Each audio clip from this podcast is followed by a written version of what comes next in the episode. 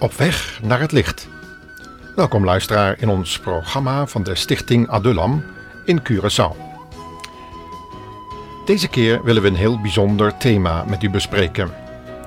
Dat is de vraag: waar is onze wapenrusting?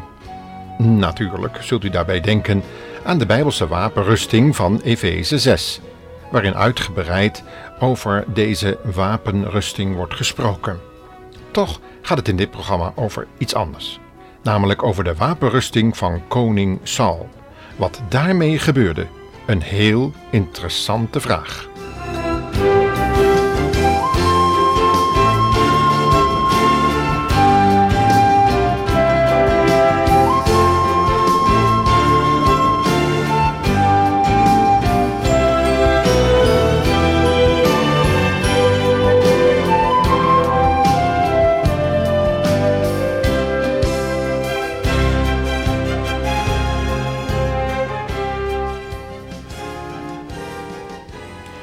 Beste luisteraar, zoals gezegd, het gaat dus over onze wapenrusting. De wapens die we in de Bijbel vinden, worden u door de Heer Jezus aangereikt. En het is de bedoeling om ze dagelijks te gebruiken.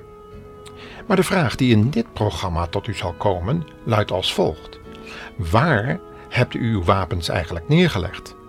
Hebt u deze uit Gods handen ontvangen en hoe gebruikt u deze en tegen wie? Op al deze belangwekkende vragen willen wij vanuit Gods Woord een antwoord geven. En om dat te kunnen doen, adviseren we u alvast een Bijbel te nemen en die open te slaan bij de laatste periode van het leven van koning Belsassar en koning Saul. We kunnen daarover lezen in respectievelijk Daniel 5 en het eerste boek van de oude profeet Samuel, hoofdstuk 31, vers 1 tot 10. We vertellen dan in het kort wat daar gebeurde en lezen dan enkele teksten uit deze droevige episoden van het leven van koning Belsassar en Saul voor, met de bedoeling om onszelf te waarschuwen hoe we met die wapenrusting van God moeten omgaan. Ja, want Gods woord is nuttig tot wederlegging, tot lering, ja, tot opbouwing en ook tot waarschuwing, zodat wij die in de einde van de tijd beleven, met de lessen van Gods woord in onze hand, nuttig en opbouwend werk kunnen leveren. Want in deze tijd hebben we dat hard nodig, luisteraar. Dat we staande blijven. Ja, staande blijven met de wapenrusting van God.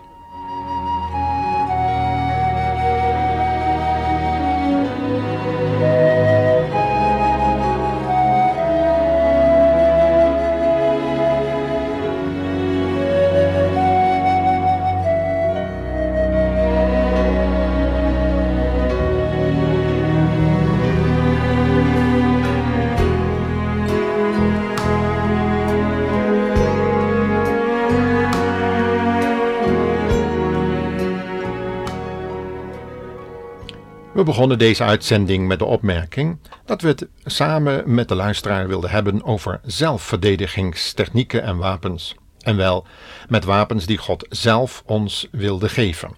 We leven in een tijd van geweld en wanorde. In toenemende mate schaffen burgers zich wapens aan zonder in het bezit te zijn van een geldige wapenvergunning. En dat om zichzelf te kunnen verdedigen bij een eventuele gewelddadige inbraak of aanranding. Dat deze vormen van geweld steeds meer toenemen en er steeds meer ongelukken gebeuren met illegaal verkregen wapens, is een teken aan de wand. Deze uitdrukking heeft alles met de Bijbel te maken. We zien dat in het volgende verhaal dat de profeet Daniel heeft opgeschreven in Daniel 5. Het gaat hier om een grote wereldheerser die zich weigerde te laten waarschuwen voor komend onheil en daardoor zijn ondergang tegemoet snelde. Maar voordat deze ondergang kwam, gaf God door middel van een geheimzinnig schrift aan de wand een laatste waarschuwing, door een hand een aantal tekens op die wand te laten schrijven. Laten we eens lezen wat er gebeurde.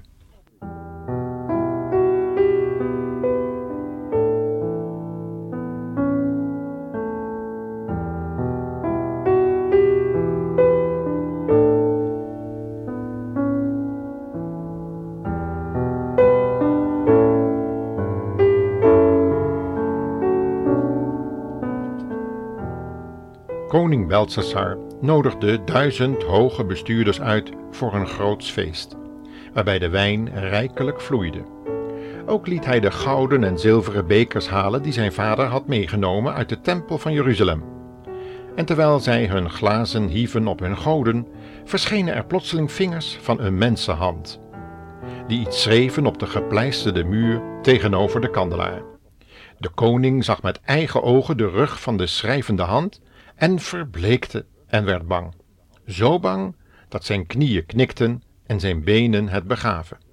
Het schrift dat verscheen bevatte de volgende boodschap: Mene, mene, tekel, ufarsin, wat zoveel betekent als geteld, gewogen en te licht bevonden.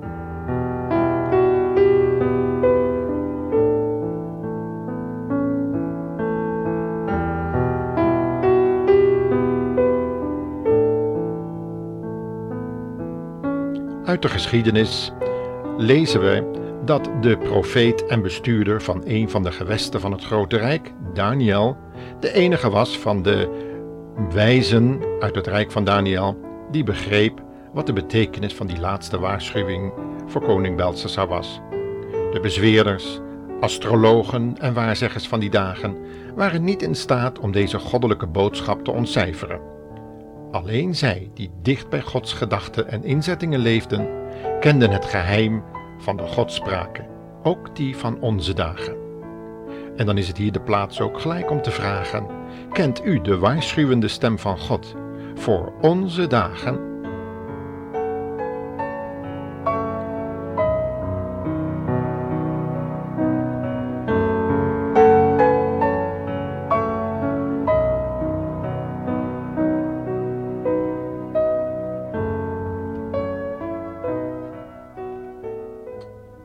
Nu u de betekenis van de uitdrukking teken aan de wand kent, kunnen we verder gaan met de geschiedenis van koning Saul, die evenals koning Belshazzar Gods stem niet meer kende en ook in zijn wanhoop, zijn innerlijke leegte en radeloosheid de overgebleven waarzeggers van zijn tijd raadpleegde om nog een beetje leiding in zijn leven te ontdekken.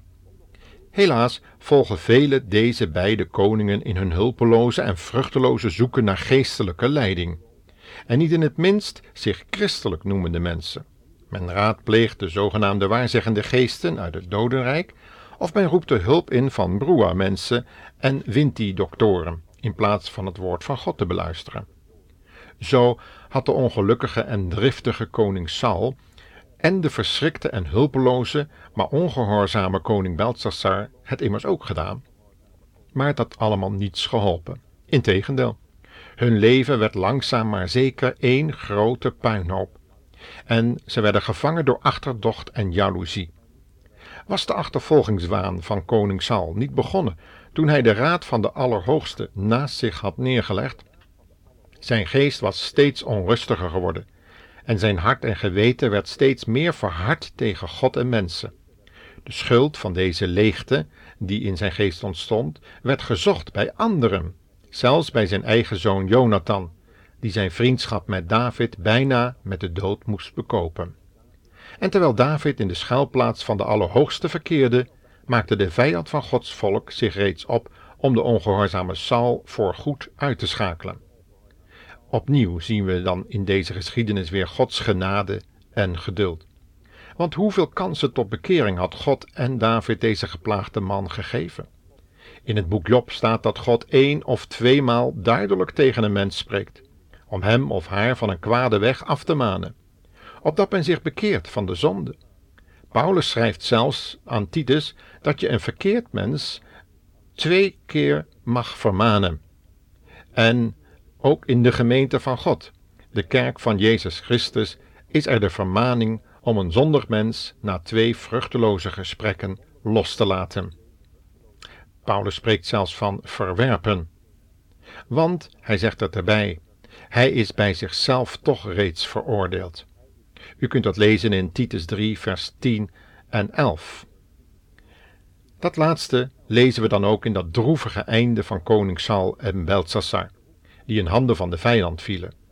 Van koning Beltsassar kunnen wij zijn eigen wijsheid nog een beetje begrijpen, want hij was tenslotte een heiden hoewel hij de vernederende tucht en bekering van zijn vader Nebukadnezar had meegemaakt en er verschillende godsgezanten bij hem in de buurt waren geweest. Maar van koning Saul is het moeilijker te begrijpen, evenals de diepe val van de wijze en godvruchtige koning Salomo. In beide gevallen was het hoogmoed, ongehoorzaamheid, afgoderij en jaloezie, die het geestelijk leven had verziekt en in handen van de vijand had gedreven. Einde van koning Saul was dan ook verschrikkelijk. Zijn hoogmoed bracht er maar toe om zelf de hand aan zijn leven te slaan. En hoeveel volgen hem hierin tegenwoordig. Helaas ook christenen die beter hadden kunnen weten. Hoe diep kan een mens vallen als hij het woord van God loslaat en na zich neerlegt?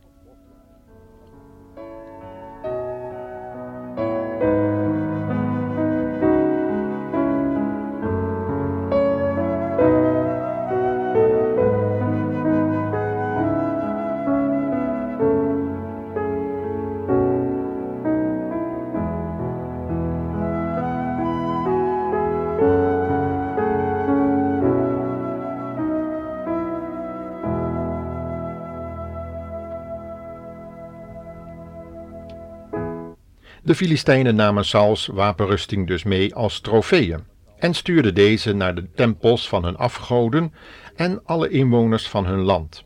Zijn wapenrusting kreeg een plaats in de tempel van Astarte en zijn lichaam werd gehangen aan de muur van Bet Sam. Zo lezen we dat in 1 Samuel 31, vers 10. En dan komen we gelijk door deze diepe en verootmoedigende les, ook voor ons, christenen van deze laatste 20ste eeuw, bij de vraag waar we het programma mee begonnen. Waar hebben wij onze wapenrusting?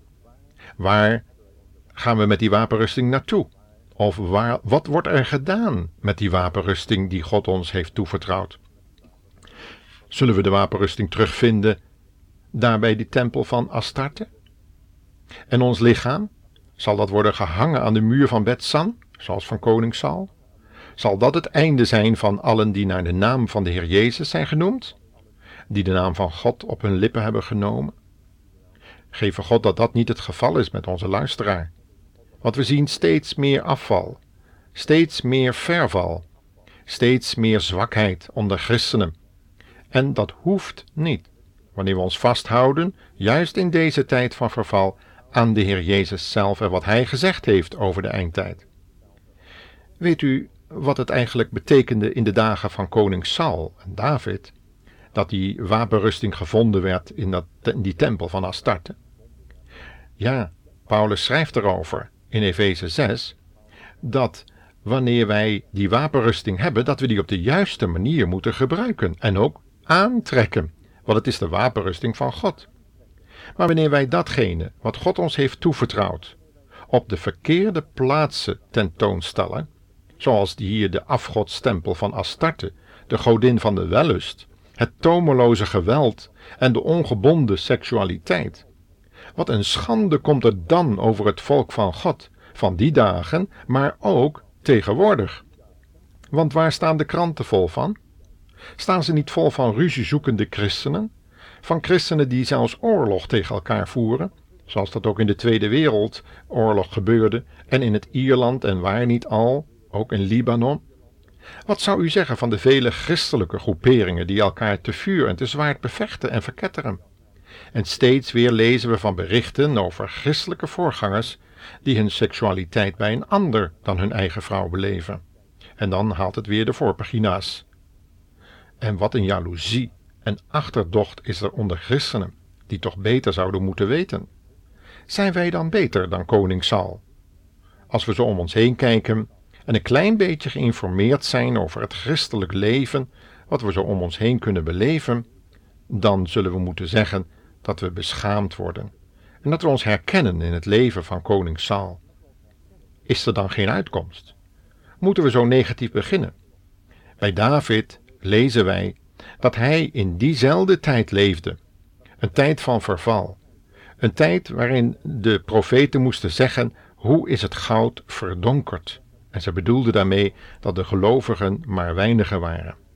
David vertegenwoordigde die weinige gelovigen van die tijd die alleen op de Heer Jezus en zijn naam wilden vertrouwen Oh, ze kenden de Heer Jezus niet zoals wij, maar zij kenden het lam.